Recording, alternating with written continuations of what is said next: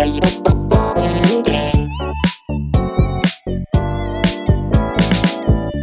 hallå. Välkomna så mycket till podcasten Jobbar på en dröm. En podd som vi gör tillsammans med musikfestivalen och kongressen Musik och talang i Vasa. Och Svenska kulturfonden.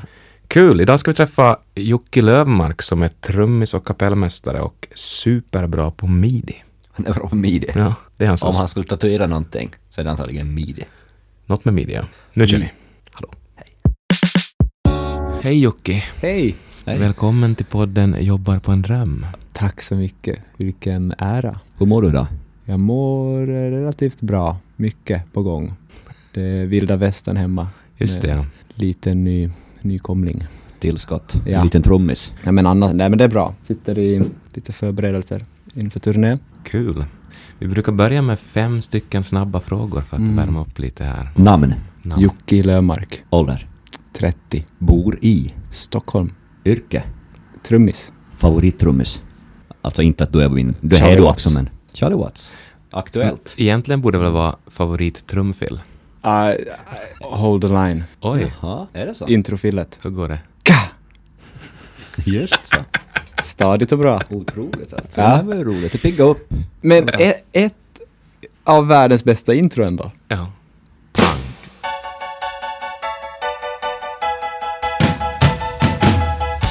Tydligt. Nu, Otroligt nu, alltså. nu drar vi igång. Ja.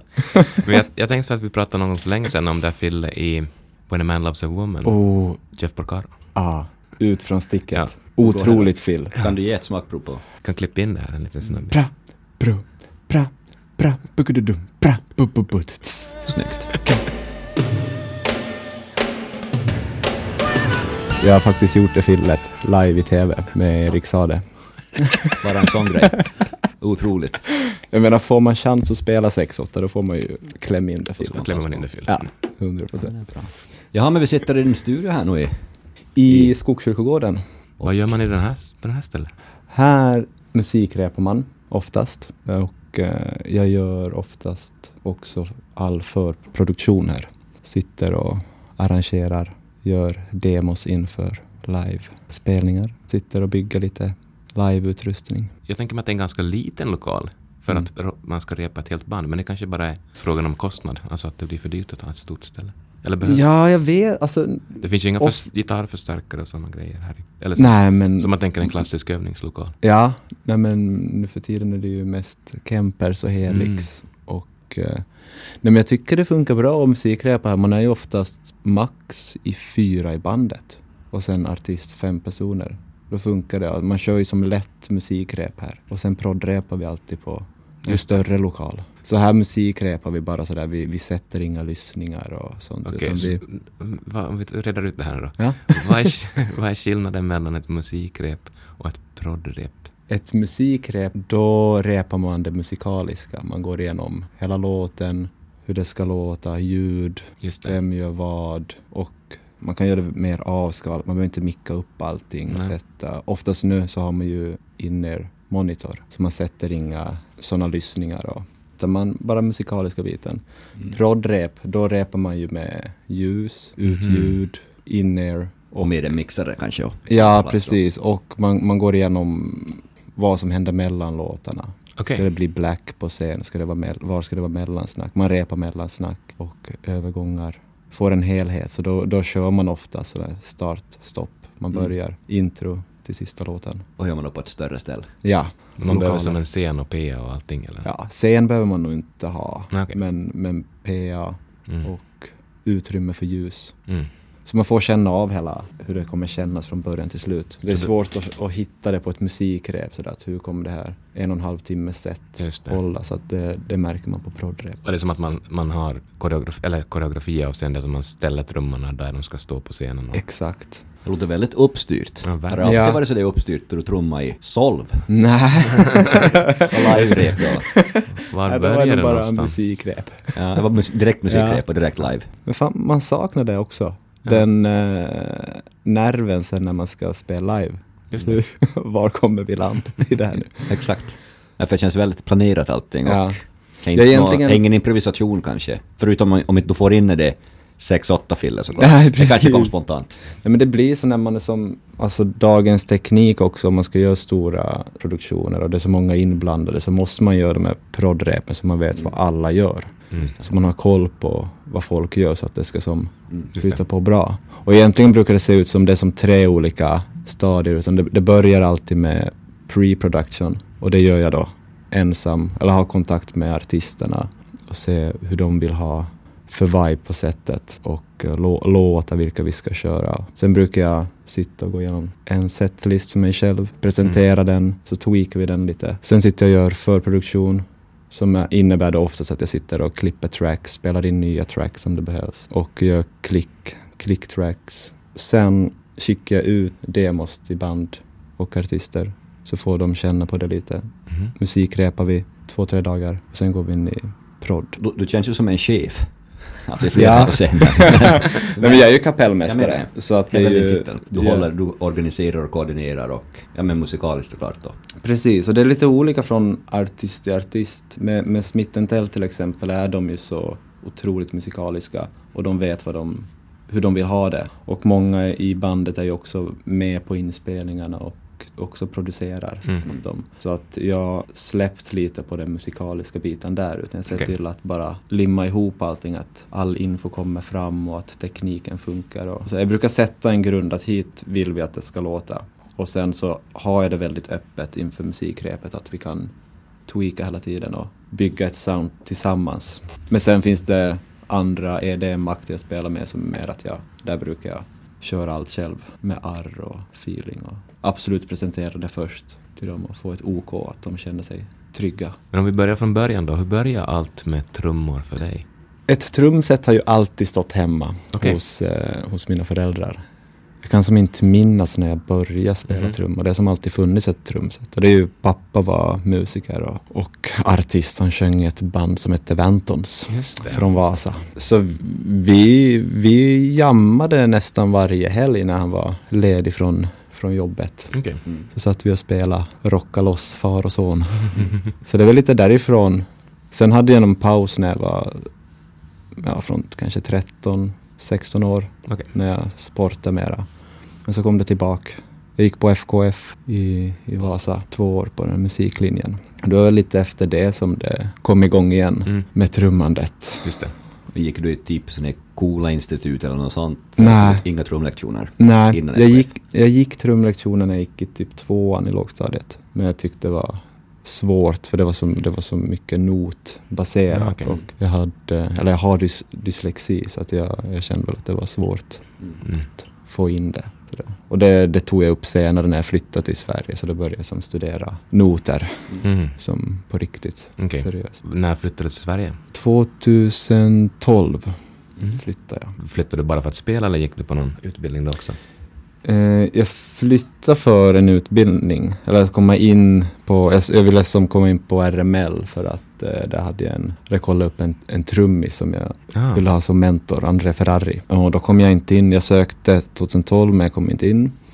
Eh, och då började jag på Kulturama och jobba upp mig där då ett år med en trummis som heter Johan Lövkrans. Och så sökte jag på nytt 2013 till RML och då kom jag in. Och RML står för rockmusik, musiker. Ja, rockmusiklinjen. Och den låg vid Fryshuset för. Det är väl en eftertraktad utbildning, eller en väldigt vad heter, det, ansedd utbildning. Ja, nej men verkligen superbra och uh, vad jag förstått också svår att komma in på. Just det. Det är många som söker. Varför heter den rockmusikerlinjen då? Spelar man bara rock eller? Alltså de, de anser ju att, att allt har kommit från rocken. Ja, okej. Mm. Hiphopen, bluesen. Men borde inte vara popmusiklinjen eller? eller Ja men jag populärmusiklinjen? tycker det. De får, de får uppdatera sig tycker jag. Ja, jag tycker- men jag tycker Bytna. det var förvirrande Ja. det, för man känner Ja. ju många som har gått, så vet Ja. så många som har gått. I och för sig så kallas det väl mest för RML. Så, det är väl Så är det ju, Ja. exakt. Och de har ju andra utbildningar där också. De har ju högskoleförberedelse, Okej. tror jag den heter. Och låtskrivarlinje där också. Mm. Så att, Så dit kom du? du Dit kom jag. och packet och... Ja, Lämna. eller först Kulturama då, ett år. Och då gick jag deltid där, så jag hade kvar lite spelningar i Finland som jag, som jag tog. Så jag rest mycket då från och till hela Okej. tiden. Sen RML ett år. Och sen började jag jobba upp mig efter det, frilansat. Hur är frilanslivet Ja, hur börjar man med den grejen att liksom frilans? Kan man ta en massa gratisspelningar eller hur? Ja, det gjorde man ju. Man, man spelar, alltså man satsar ju väldigt hårt. Jag jobbade, trummade varje dag. Mm. Och Mm. fortsatte efter skolan att sätta upp ett eget schema. Så att nu, nu ska jag träna det här tisdagar, onsdagar det här. Så jag trummar varje dag och inriktar mig och studerar själv. Det. Så det var som att ett år efter skolan så gick jag någon slags av egen skola och blev väl, eller jag är väldigt disciplinerad så att jag hade som, jag la upp ett schema och tyckte att jag var ganska bra på att följa det. Mm. Men det var ju mycket gratis jobb, man, man tog det man fick. Det som drog igång allting och att som hur jag började få jobb var att jag, jag la upp mycket på Instagram och Okej. det var en kapellmästare som, som såg mig trumma och eh, frågade om jag ville komma på en turné med Samir och Viktor. Det var ju typ, det var ju det största som hade hänt mig då, att få spela med Mm. dem för de var ju jättestora. Det här var 2016. Det var mycket stora spelningar måste det vara. Ja, det var ju, det var ju mellan 6 och 10 tusen. Alla, de var ju väldigt poppis. Bara nakna året. Mm. Men då kändes nog bra. Ja, det kändes bra. Hur kändes det du fick den, alltså är det meddelandet? För jag tycker ofta med alltså sådana drömindustrier som musiken är på något sätt, så man väntar på samtalet eller på Mm. DMet och i ditt fall kanske var, eller hur det nu var, eller Ja. mejlet. Men, Nej, men jag minns att jag var sådär att jag, jag hade gått med på vad som helst. Var, för jag blev, så, jag blev så glad att jag Mm. kommit dit. Och jag, jag tror jag skulle precis fylla 25. Och jag hade sagt till min mamma, om inte jag har lyckats med musik när jag fyllt 25, så då börjar jag som sadla om. Då börjar jag studera till något Mhm. annat och se till att jag har ett yrke. Där jag vet att jag får säker inkomst. ja. Och då kom det här, Samir och Viktor, så då var jag yes, nu kör jag på det här, den här sommarturnén, det var kanske 16, 16 spelningar. Mm. Körde jag dem och under turnén så träffade jag på trummisen som, som är kapellis och trummis åt Erik Sade. Mhm. Och eh, han var, han, han gillade mitt spelsätt och han var så här, vill du åka med Erik Sade på hösten? Mm. Så då gjorde jag det. Så då sommaren, Samir och Viktor, så gick det över till Erik Sade. Och efter det började jag bara komma in i, i större produktioner. Så det var som att, att få spela med Samir och Viktor som, som öppnade upp till, till allt. Man fick Just ett litet namn, man, man syntes, bokningsbolagen visste vem man var. Mm. Sådär, så att de började ringa sen. Det känns ju som att det är det som krävs i de flesta fall, att man får en... Eller så att klart att man ska vara väldigt duktig, men att man får en chans att bevisa att man är duktig också. Ja, verkligen. Så är det ju. Och väldigt inriktad på den här tracks-biten. Mm. Och jag tror det har gjort att jag fått väldigt mycket jobb. Att Mm. jag varit stark där och kunna styra upp. Lärde ni er sånt på RML eller vad är sånt som du höll på med på dina självstudier året efter? Ja, nej, jag var intresserad av det innan RML. Och jag vet, det var nog mycket, jag fick mycket inspiration av Daniel Järpe och, och Ben Bergman. Jag spelade lite med Christer Sigfrids när, Mm. när jag bodde i Vasa. Det var lite där som jag fick intresse för det och se vad man kunde göra Mm. med live-teknik. Och så har jag tagit, utforskat och tagit det vidare där och byggt ett system som jag tycker är väldigt bra Mm. live. Just så är det. någonting du rekommenderar åt alltså trummisar att bredda sig med den? Ja, eller vilken musiker man än är, att, att kunna den tekniken. Vi har kommit till ett sånt stadie nu i musik, livemusik, Mm. att vi måste kunna ta studion till, Mm. till scenen. Ja. Och det. göra det på ett, ett vettigt sätt och ett säkert sätt Mm. som håller. Hur, hur funkar det, alltså om man tänker så strukturellt, om man är studiomusiker som du är, eller vad heter det, eh, musiker. Hur, hur funkar liksom kontakten? Vem är det som sätter ihop alla grejer och hur får du dina jobb? Det kan se ut så att jag får jobb av en agent på ett bokningsbolag. Okej. Som att nu har jag hittat en artist. Den artisten ska åka ut på en sommarturné. Vill du ha det här gigget? Och Då tackar jag ja ibland och nej ibland. Det beror på om det passar och om jag har tid. Mm. Men jag känner att det här, här kan jag göra någonting som också jag kan utvecklas i. Och då är det så här, ja men det finns den här ekonomin för det här bandet. Att eh, vad, vad kan vi göra på det? Och så kan det vara så att ja men vi, vi, har, vi kommer kunna ta in två musiker. Eller tre musiker och så bygga upp ett band på det. Sen har jag oftast ett möte då med agenten och eh, artisten. Går igenom lite hur, hur showen ska se ut och, och hur det ska låta, om man kan sätta in någon extra, något extra element i soundet för just live. Mm. Som Mm. kan göra det lite mer unikt och att folk säger ja men vi måste se de här live för att det låter så här då. Men att man ändå håller kärnan och att det ändå låter som artisten vill att det ska låta. Mm. Är det som samma musiker då som... För jag tänker att jag kommer ihåg när, för många år sedan när vi pratade om det här så var det som att du hade satt ihop ett kompband som ni spelar ganska mycket samma musiker med olika artister. Precis. Ja men det, det, det blir ju ofta så. Okej. Att man, man hittar ju personer man, man jobbar lätt med och man förstår varandra.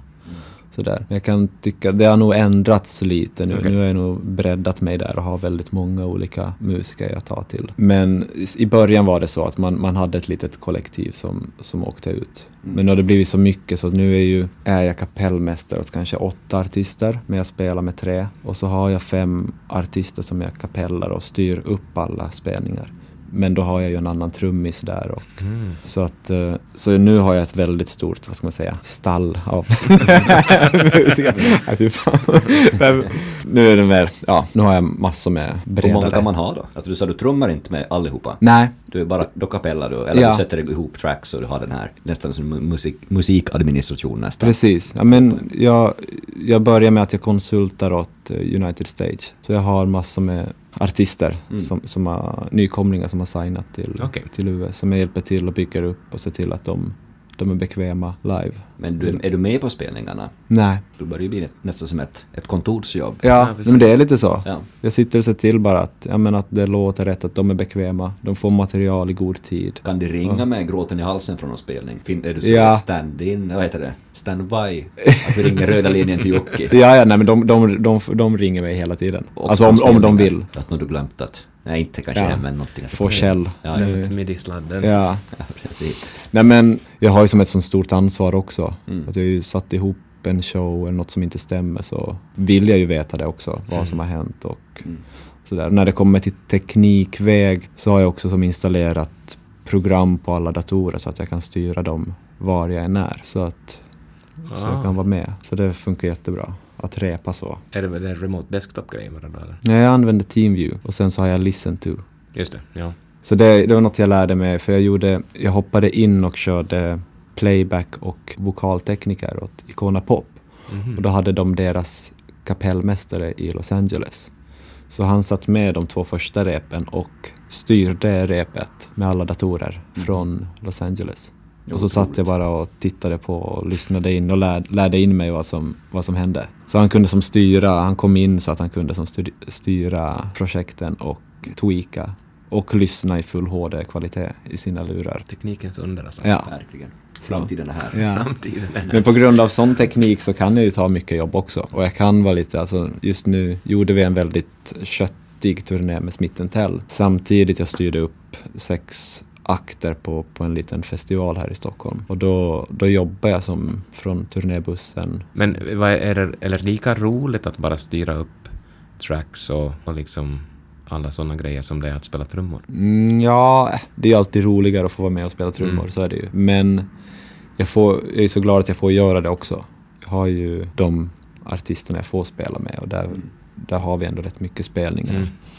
Så jag känner att jag hade, jag hade ändå inte klarat av att trumma med alla de här. Nej, det hade nej, inte gått. Så att, jag tycker det, det är också kul att få, att inte behöva sitta bakom trumsetet för man hör allting på ett annat sätt. Mm. Och kan eh, pilla med ljuden ännu mera. Så Mm. jag, jag tycker det är väldigt kul. Det är som att man är typ en, man är en producent. Verkligen. Jag tänker Som, att det som styr bandet Mm. lite. känns som att mer som en musikproducent än som en musiker. Alltså att du musikproducent som fokuserar på att det ska framföras live. Ja, så det ser till att det är bra teknik till, till Mm. allihopa också. och Styr mycket den tekniska biten. Hur många finns det som dig? Jag fråga. Just att om man Alltså- tänker konkurrensmässigt så här och... Ja, i Sverige finns det ingen. Så Nej. det här är som något som är väldigt nytt. Just nu med United States så har vi gjort en liten prövo, prövotid och se hur det här flyger. För att vi vill också se till att det ska vara så lätt för artister när det kommer till promotion gigs. Mm. Promotion gigs styrs ju oftast av ett skivbolag. Nyhetsmorgon, Go'kväll eller Musikplats Stockholm. Att det är skivbolagen som styr det. Nu med de här artisterna jag har så går allting via mig. Så för musikerna är det också väldigt lätt för att de behöver inte bli förvirrade. Vem, vem ska vi fakturera nu? Vem, Mm. Aha, var det skivbolag? Jag trodde det Mm. var bokningsbolag. Mm. Att nu går som allting via mig och bokningsbolaget. Okej. Och då blir det, det blir mindre fel. Alla saker kommer fram. Ja. Mm. Men Så- annars måste det vara väldigt förvirrande. Alltså, men så att man är en ny artist just. Alltså, var, var börjar man ens med det här och börja sätta ihop nytt folk? Det kan ju bli en ganska lång startsträcka innan man kommer och kan spela live annars. Verkligen. Medan om man går via ett proffs som dig då som styr upp, du tar helhetsansvar och ser till Ja, och på något sätt standardiserat det upp precis. på ett sätt. Ja, Att då liksom hitta en formel så du kan göra för väldigt många samtidigt. ja. Så det måste ju vara väldigt... Jag tycker, det, jag tycker det funkar bra och jag tycker det är kul att bokningsbolag och skivbolag vågar satsa på det. För jag konsultar ju, det är lite det jag gör. Jag, hjälp, Mm. jag hjälper ju dem att, att det ska bli så bra som möjligt för deras artister. Så i Sverige är det bara jag, vad jag vet, som håller på med det här. Och eh, jag håller på att bygga upp ett litet team som, som jobbar med mig. Så jag har ju, det är spelningar som inte jag kunde åka, åkt med som playback-tekniker. Och, så då har jag haft folk som jag, som jag tränar upp lite. Okej. Som jobbar på samma sätt. Men att allt går som via mig att, och bokningsbolaget först. Så bara för att stanna, vad är Mm. en playback-tekniker, vad är det för något? Det är en, en tekniker som styr förinspelad musik som, som ligger mot ett click-track så att eh, musiker och artist spelar till. Så det är som en separat ljudtekniker som bara har ansvar för Ja. bakgrundstracksen? Och just playback-tekniker, då är det också lite inbakat midi, midi-tekniker. Alltså är det bara playback, alltså bara musik, så brukar en musiker klara av att sköta allt det själv. Men nu är det också så mycket midi-protokoll som ska in. Midi är ett, ett protokoll som, som man kan till exempel styra olika pedaler, trummaskiner med och ha det som klocka också så att när man trycker play från datorerna så är alla pedaler, delays och sånt synkade så att det blir rätt Mm. timing och. Också att man kan styra saker från datorerna, från en midi-kontroller på scen. Spela upp ljud från, som kommer då från Playback World, som är oftast Mm. stage left eller right. Okej. Midi känns ju, alltså jag tänker att de flesta kanske som någon gång håller på med musik har pluggat i ett USB-keyboard och spelat midi i Logic eller Ja, Ableton eller något sånt.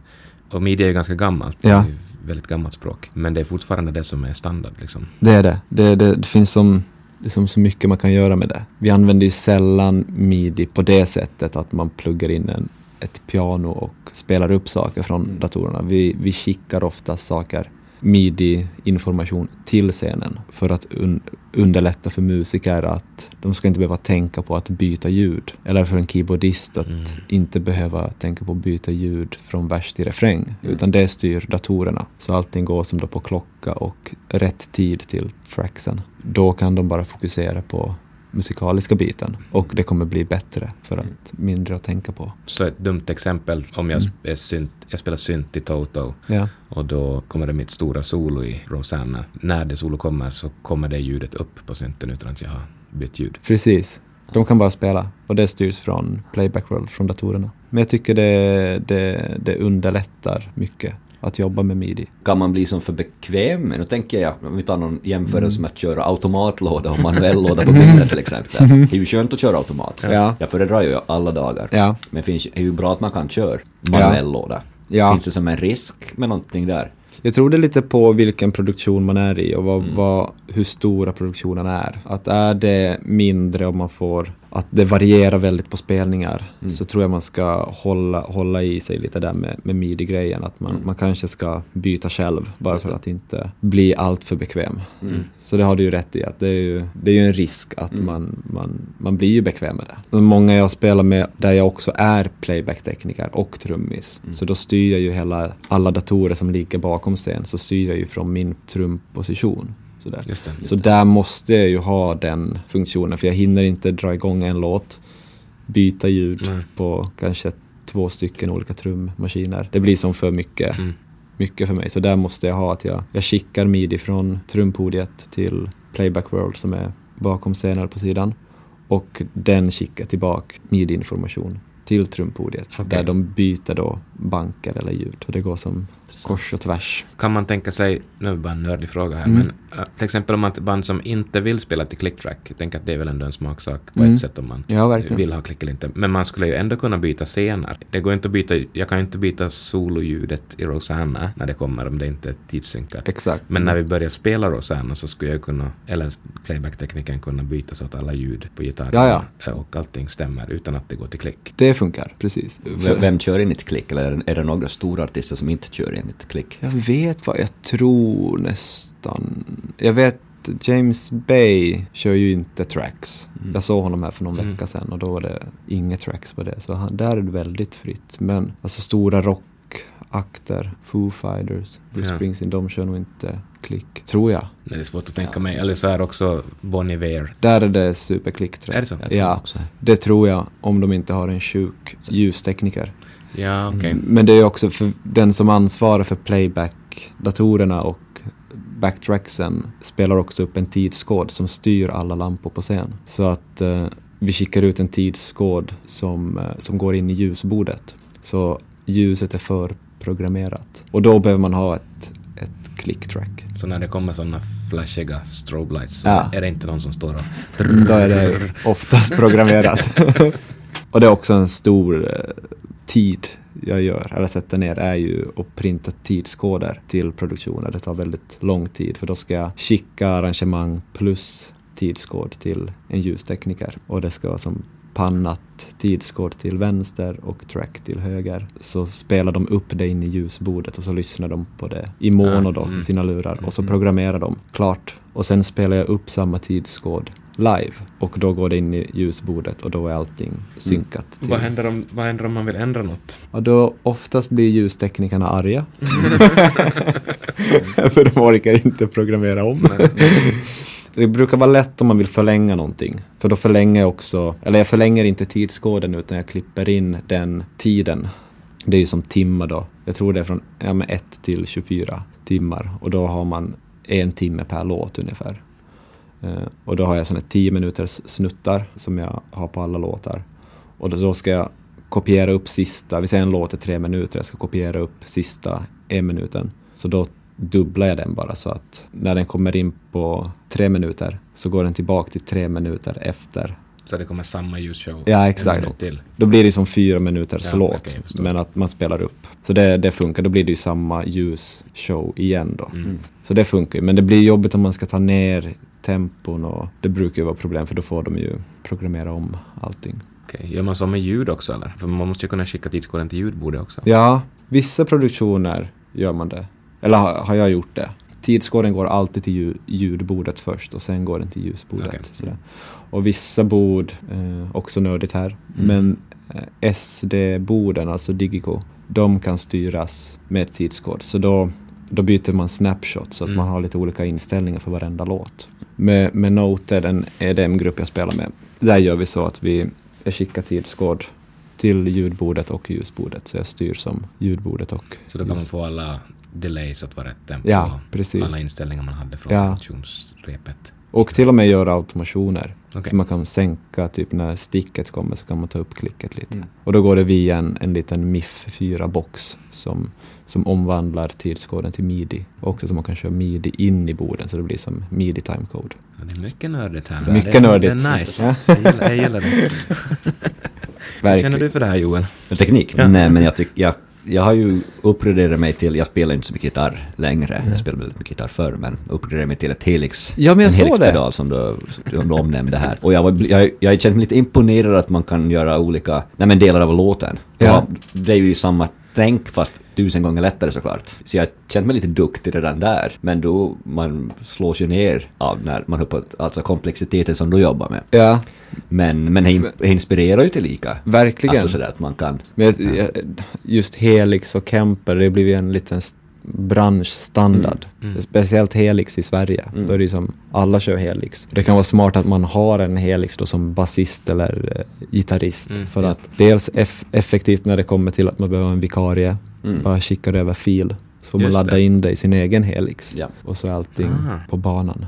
Men så gör ju mixtekniker vet jag också med Mm. så här, när man har prodrepat någonting så har man mixerbordsfiler som man skickar. Så Exakt. är samma. På en USB-sticka bara. och- Något som jag funderar på, alltså, när, det beror ju på musikstilen såklart, men när vill man att det ska låta äkta? Alltså man Mm. bara ger, ibland kanske man bara vill ha en liten sån här uh, krydda till, att man spelar väldigt mycket själv, men man har vissa tracks, alltså någonting, jag vet inte, kanske lite stämmor eller något sånt här. Ja. Medan man i andra sammanhang så då, eller kanske jag som är gammelmodig som tänker att man försöker lura publiken. Publiken tänker inte på sånt. Mm. Publiken vill väl höra, som du var inne på kanske, att man inte ska låta som jag låter på skivan. Ja, Ja, men det förväntar ju sig publiken. Sådär. Att det ska låta som på skiva och lite, lite extra liveigt Mm. förstås. Och det blir ju om man sätter live-trummor på det då så blir det ju den, det trycket och... Mm. För det är som en inställning jag kanske behöver jobba på, känner jag. Att nej, men det måste, alltså, det får låta skiva. Att jag kommer mer från den bakgrunden att, Ja, nej, men det är som nästan pinsamt med tracks. ja, ja nej. Tycker det var ju det det förr. skriver du ju inte. Ja, För precis. Du skriver ju inte under att det är Nej, pinsamt med men tracks. det var ju det lite för ti- tio år sedan. Då Mm. var det lite att man ville gömma det, att, Ja, att exakt. det ska inte synas. Men nu är det ju väldigt standard att alla Mm. har tracks och eh, vissa band får låta väldigt tracksigt. Nej, men det Mm. kommer till eh, EDM-musik, Mm. väldigt popmusik och varför man använder tracks är ju för att det inte finns pengar till att ha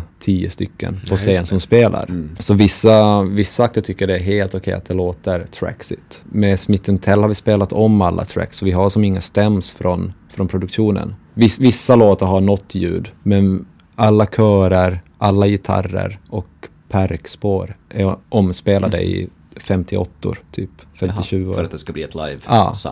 Precis, för att oftast har de ju spelat in då i en fin manly mic eller Mm. Mm. som är väldigt bright och krispiga. Och det, det får man ju inte till live.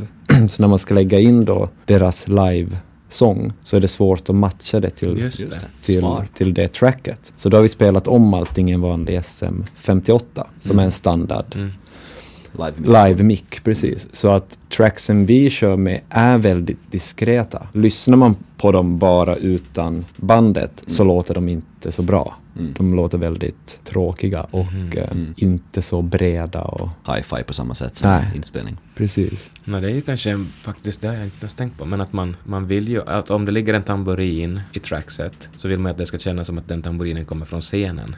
Inte Verkligen. från en inspelning i studion. Nej, exakt. Har vi lärt oss mycket. Ja. Alltså, det är otroligt. Och sen finns det knep som, alltså är det så att man spelar till eh, track som är från själva produktionen så brukar jag alltid med en EQ ta ner lite high-end Okej. på, på vokalerna så att de är mindre krispiga. Mm. Också perkspåren, shaker och Mm. FX och sånt. Att de är lite, man kör en liten kurva på höga frekvensen. Ja, exakt. Mm. Och eh, typ om det är gitarrer, syntar så brukar jag dra in dem lite. Eller inte syntar men typ ackegurer nu fick jag lära mig. Att de är oftast väldigt stereobreddade. Att då kör jag någon plugg som drar in dem lite mer i mono. För att få bort tracks-feelingen. Vad har folk generellt i dina produktioner i backtracksen? Man har ju vokaler, alltså Mm. stämmor, perk. Och sen beror det på om man har en basist eller gitarrist. Beror på hur sättningen är. Men om man tar, säger en, ett band där det är eh, synt och bas. Så det är ju oftast, ja men då är det gitarrer på, på tracks. Vokaler, perk då. Och sen är det ju om det är något ljud som inte går att efterlikna från någon synt. Nej. Så det kan vara väldigt någon sån här uppproddad hemmagjord synt man har Mm. gjort. Mm. Så då antingen så, ja man kan ju sampla upp den och spela den med midi då från scenen. Men ofta så har man det bara på, på tracks. Mm. Om det är något som är väldigt som har någon signatur i sig. För det vill ju, man vill ju hö- höra det som, Ja. som lyssnare. Hur ser framtiden ut här för dig nu med? Jag tänker när vi kommer igenom det värsta i Mm. corona och sådär och öppnar upp. Dels hur har ditt år sett ut? Vi behöver inte gråta för mycket, vi ska se framåt och sådär. Ja, just det, hur påverkar coronan? Precis. Det är ju turné direkt, 29 har vi premiär. Och då kör vi med Smith Tell 18 spelningar i Sverige. Sen åker vi en vända till Mexiko och spelar. Sen har jag lite små gigs med, med lite andra upcoming akter. Felicia Takman till exempel. Sen har jag mycket Alba August som en artist jag jobbar med. Men jag, Som skådespelare. Ja, exakt. Henne spelar jag inte med, men jag, jag är kapellmästare till henne. Så Okej. hon, hon börjar få väldigt mycket spelningar. Så där är det mycket att sätta olika arrangemang till, till rätt spelning. Så det är jobb nu året ut. Året ut. Ja, och sen börjar vår turné. Hur länge på förhand bokar man upp sig? Med Smith Tell så, jag jobbar ju med deras management också och är väldigt sådär, nej men vi är en bra familj och vi är väldigt nära varandra. Så där är det som, jag är alltid uppbokad med dem. Det är de jag prioriterar nu. Så där att Mm. jag, jag trummar med dem, lite hjärteprojekt. Det är som viktigast. Ja, Mm. precis. Men sen kan det vara alltså, redan nu sätter de ju våren och, och sommaren för 2022. Det är väl ett halvår innan. Man vet att man har jobben Ja. liksom ganska långt framåt. Precis. Ja, för mig är det, jag har väl två, tre semesterveckor i, om året. Sen jobbar jag hela tiden med live-biten. Känns det någon gång som att det blir för mycket? Ja, det gör det. Men det är oftast, alltså nu är det ju till exempel så för att allt kommer på en gång. Ja, såklart. När, när det börjar släppa. Mm. Och eh, dels så, jag hade jobb hela pandemin. Alltså jag, Okej. jag lyckades fixa till mig jobb. Inte trumjobb men, men just inom tv och uh, fejka publikljud. Just det, det har vi sett på sociala medier. Ja. Kan du berätta kort om? Hur gör man när man ska fejka publik i? Det var Melodifestivalen väl som du var på? Exakt, och fotbollsmatcher. Mm. Men allt började med att vi, vi gjorde Late Night Concert med, med Felix Sandman och eh, efter alla låtar så var det så tomt för ingen, ingen applåderade. Nej.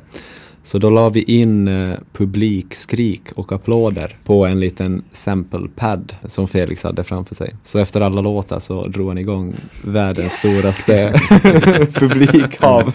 och eh, de som gjorde Late Night Concert var sportredaktionen på TV4. För de hade inte heller jobb just Nej, då för att ja. sporten dog ju då också. Mm. Så de, de gjorde en, hela den produktionen. Då hörde de av sig efter typ tre veckor och frågade om jag har något intresse för fotboll. Och jag sa nej. Men eh, de ville ha mitt publikljud. Så då, då byggde jag upp, eh, köpte in lite samplingar, publiksamplingar och fick lite från olika matcher och sånt som jag klippte ihop då till, till en, en miljö, publikmiljö som jag spelade upp då, byggde ett, ett system i, i Ableton, ett program jag alltid använder live. Där jag ja, men, triggade när det blev mål och utvisning och sådär. Sen fick jag lära mig lite regler Offside. offside och sånt. Nej! Och sen så tog jag vidare det och eh, jo det var, jag jobbade med, med, med Sara Larsson som playbacktekniker och hennes tour manager är projektledare för Melodifestivalen. Och då hade jag berättat till honom då att jag gjorde lite publikljud på fotbollsmatcher. Mm.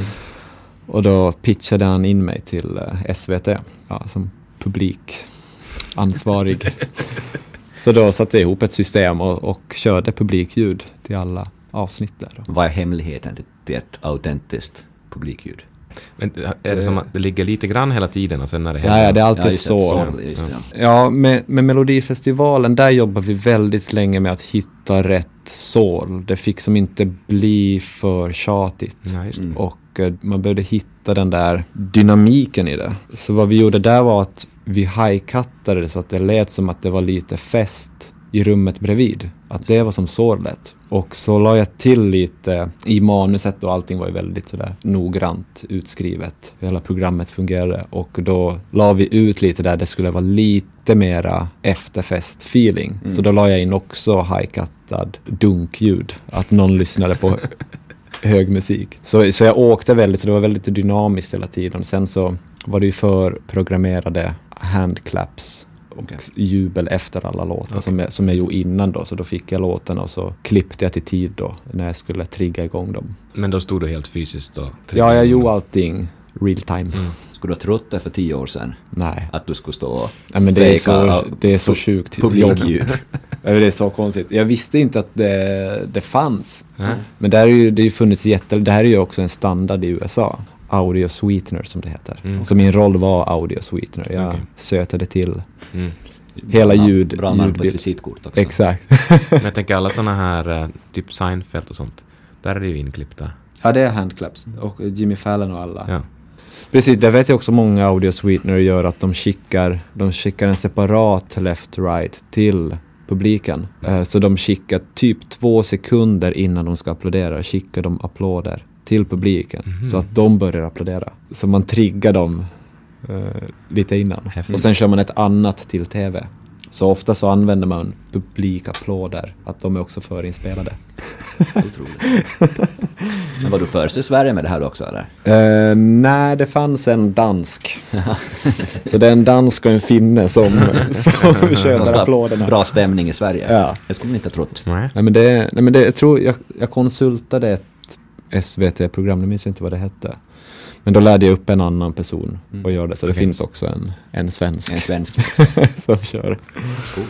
Så lite det, det var det jag började med när Ja. pandemin kom, att jag lyckades ändå ha lite jobb. Så att, eh, Hur kändes, alltså, nu känns det ju säkert bättre när det öppnar upp, men Mm. var det liksom deppigt att inte få spela? Eller hur känns den grejen? Blir det skönt som en semester? Det var väldigt deppigt där efter ett halvår. Och i början, för vi, vi hade repat 14 dagar med Noted och så åkte vi till London, musikrepade där, eller proddrepade i London med ett amerikanskt team. Och då skulle vi göra, det var väl kanske 14 spelningar i Europa. Och då hann vi med två spelningar.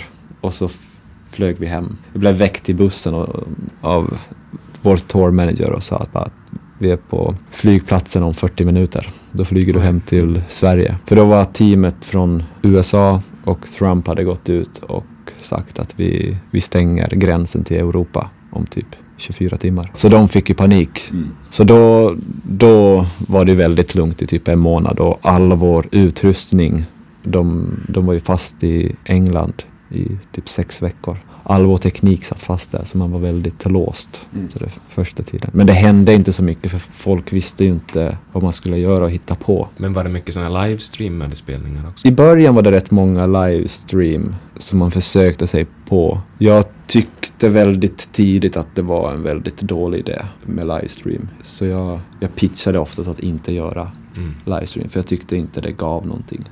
Ja men det känns som att man inte kom in i det. Man fick som ingen kontakt Nej. med artisterna. Jag tyckte det var jättefint att de, de satsade på det och gjorde Mm. sådana Ja, ja. streaming-event, gigs.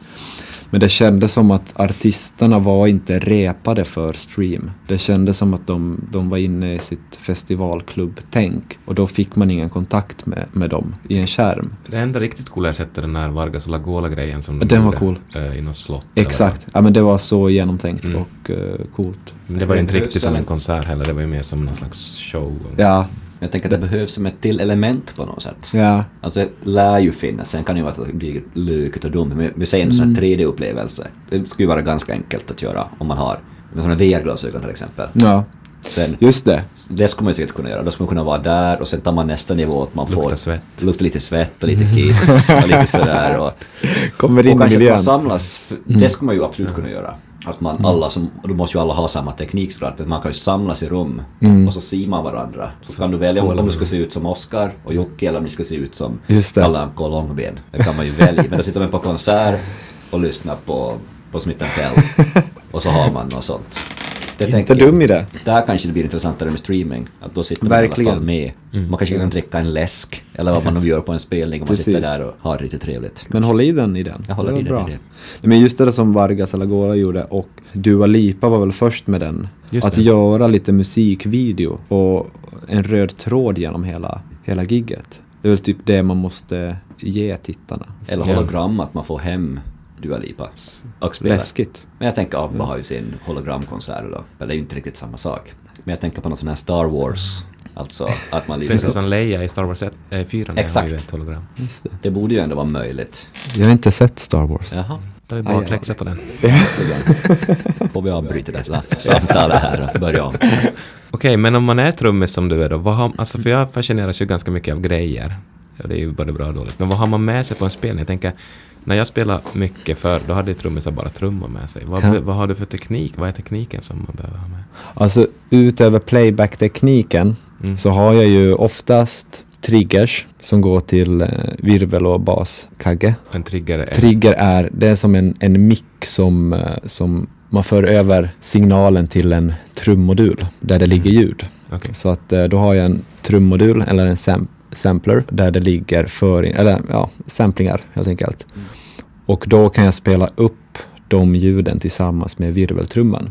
När jag slår på virveltrumman. Så om jag vill till exempel ha ett handclap tillsammans med min virveltrumma, då har jag handclap i min sampler och så har jag kopplat med en triggmick Det är till en riktig virvel, alltså en akustisk virvel. då är den en riktig virvel, ja. Sen har jag lite vanliga triggers som inte jag kopplar på mina akustiska trummor som kan vara svarta plattor, ser de ut som, Just det. som jag slår på, där det finns då förinspelad ljud. Och det är lite samma som sån elektroniska trumset som man ser ibland att folk har. Exakt. Så att de bara låter, det låter ingenting när man slår på den. Nej, Nej. det låter som om man slår på en gummi, gummiplatta. Och där har jag då lite ljud. Så oftast är det, ja, men det är två triggers. Det är också en triggpedal som är också som en platta bara. Man, Mhm. man spelar upp bara rena samplingar. Okej. Inget akustiskt ljud på. En sån pedal och eh, tre till fyra olika pads, trigg-pads. Och det är för att du spelar ljud som finns i produktionen som är kanske trumljud men inte klassiska. Jag, jag kan inte göra dem med ett akustiskt trumset. Så oftast är det ju handclaps, snaps eller något sjuka ljud. Skrik. Ja. Jag har haft en, en polare till mig här och göra en trigburin. Som är då en, eh, det är en tamburin som, är, som har en trigg-ingång på sig. För att med Smith Tell är nästan alla låtar har tamburin i sig. Då tycker jag att det är så svårt att få en tamburin att sitta i live-mixen. Mhm. Antingen så är den för, känns den för liten eller så är den för reverbig. Så då har jag gjort jag har köpt tamburin och så har jag spelat in dem själv och så har jag lagt olika reverb och delays på dem. Och så har jag kopplat då en kabel till den som går in i min trummodul där jag har då tamburinsamplingen. Så när jag spelar på tamburinen så spelar jag upp tamburinen som en sampling också. Så då blir den mer kontrollerbar, att man kan få den mer in your face. Så det är lite det jag åker med. Sen är det ja, trummorna då. Så det är elektroniska trummor och eh, Mycket grejer. det är mycket grejer. Och sen har du alla de här datorerna och allting för Ableton Playback. Och, Ja, vad är det för grejer där? Oftast är det två, två Macbooks som kör Ableton Live där alla stems, alltså filer ligger som vi spelar till och clicktrack. Där spelar vi upp då det, det har blivit mindre och mindre. Nu är det som att vi kör, vi kör ett musiktrack. Där är det bas, gitarr, syntar, percussion, allt sånt ligger där. Och sen ligger det en stereofil med eh, vokaler, bakgrundsvokaler och Mm. sådana effekter. Mm. Så då skickar vi fyra kanaler totalt, backtracks. Men då spelar jag också upp mina trumsamplingar, spelar upp från datorerna. Så då kommer de ut därifrån också. Och så om det är något piano som är på scenen, spelas också upp där. Så det landar på mellan ja, men 10 och 12 med klick och timecode också, som går till ljus, Mm. ljusbordet. Varför har man två datorer? En back, alltså det är en backup. Så man, Okej. har, man har en dator som är, eh, man kan säga som en masterdator. Och så finns det en backup-dator då som går på en, det är som en sinuston som spelas upp från masterdatorn in i en liten burk som då känner av om något händer att det, det börjar hoppa eller hacka till. Eller om man drar ut strömmen från masterdatorn. Om, om något sker som inte ska ske, då byter den till B-datorn automatiskt utan att man, man, hör, man hör ingenting. Nej. Det är bara att byta direkt. Så det är en backup om, om det är så att Det spelar upp samma sak egentligen. Ja, de, de går samtidigt. De har samma projekt, samma inställningar. Då kan jag ha en kontroller hos, hos mig. När jag trycker play så är det play på båda datorerna samtidigt. Kan man byta tillbaks till A-datorn också eller? Till det första? Ja, det kan man. Ja. Så man kan hoppa mellan dem. Förr var det väldigt så att man hade en master och en backup. Nu är det väl mer att man har två masterdatorer. Så det spelar ingen roll vilka man, man spelar ifrån. Det är den som är aktiverad när man startar upp allt. Och ibland är det också största produktionen, då har vi haft sex datorer som är samtidigt Oj. synkade. Man trycker play så åker allihopa. Men då är det syntdator, backup på det, playback, backup på det och så autotune, backup på det. Det får inte gå snett. Det får inte gå snett. Nej. Ja, det är som om man tar med sin studio till, till sina gigs. Till en svettig Ja. rockfestival. Ja, men då har man ju produktionen jag, alltså, som jag har styrt själv från scenen, då har jag som max haft tre datorer. Jag hade inte Nej. vågat ha sex datorer och styrt dem själv från, Mm. från scenen. Nej, man, man måste ha någon som babysitter det där. Ja. För det är ju teknik, vad som helst kan ju hända.